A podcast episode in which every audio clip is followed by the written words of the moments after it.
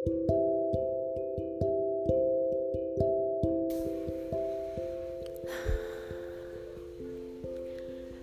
bercerita banyak pada malam.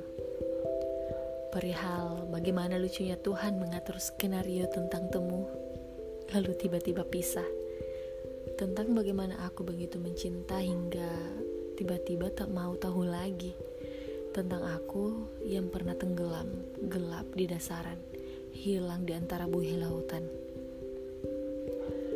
Jauh sebelum Tuhan mempertemukan aku denganmu Tiada lagi tempat yang membuatku nyaman selain tenggelam, mengurung diri di antara suara-suara sumbang, mendekap gelap yang mereka tak suka. Kupikir, dasar laut adalah tempat yang paling aman. Keahlianku dalam menyelami kesedihan membuatku mampu menutupi banyak hal dan menghilang di antara pertanyaan yang sekedar ingin tahu, bukannya peduli.